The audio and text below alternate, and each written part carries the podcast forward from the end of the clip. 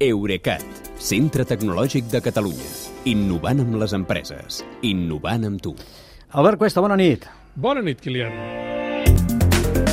Tots els mòbils que es venguin a Europa a partir del 2024, per tant, ara ho acabem d'explicar, s'hauran de poder carregar amb un cable de format USB-C. Quin és aquest, per cert, Albert?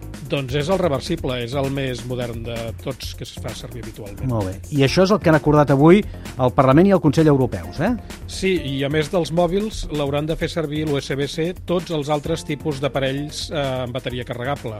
És a dir, tauletes, lectors de llibres digitals, auriculars, càmeres fotogràfiques, videoconsoles i altaveus portàtils. Fins i tot els ordinadors portàtils s'hauran d'adaptar. Tot i amb aquests els deixaran 4 anys per fer-ho.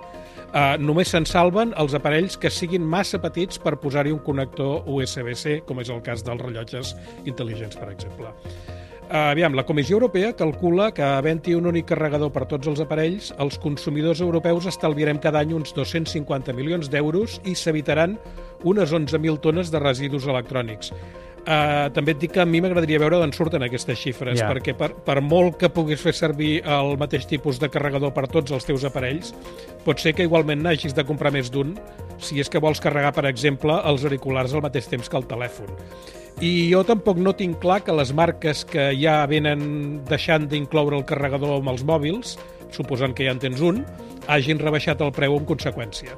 Aquesta decisió de Brussel·les formalitza una tendència del mercat, però també és clarament una pressió afegida a algú com Apple, per exemple. Sí, aviam, els organismes... A mi aquesta decisió em sembla de Brussel·les, que quedi clar que em sembla perfecta, eh? però vull dir, els, els organismes europeus porten anys manejant la perdiu amb aquesta norma del carregador únic.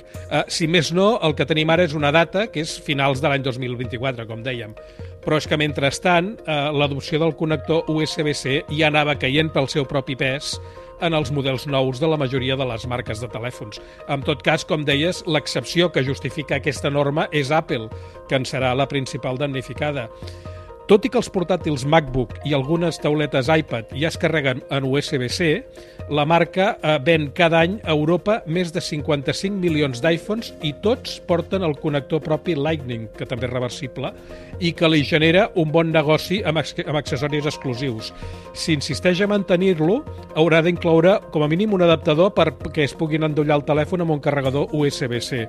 I et dic si insisteix, perquè fa temps que Apple li ronda prescindir del tot de la càrrega amb cable, eh, que és el que ja va fer amb els auriculars, i passar-se exclusivament a la càrrega sense fils que de fet ella va trigar més que altres marques a adoptar-la, però ara inclou amb tots els seus models de telèfon des de l'iPhone 8 de l'any 2017. D'aquesta manera renunciaria al negoci dels cables i carregadors i no incompliria la norma europea.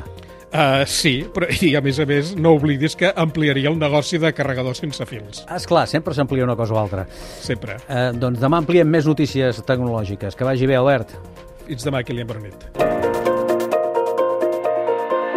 Eurecat, centre tecnològic de Catalunya. Innovant amb les empreses. Innovant amb tu.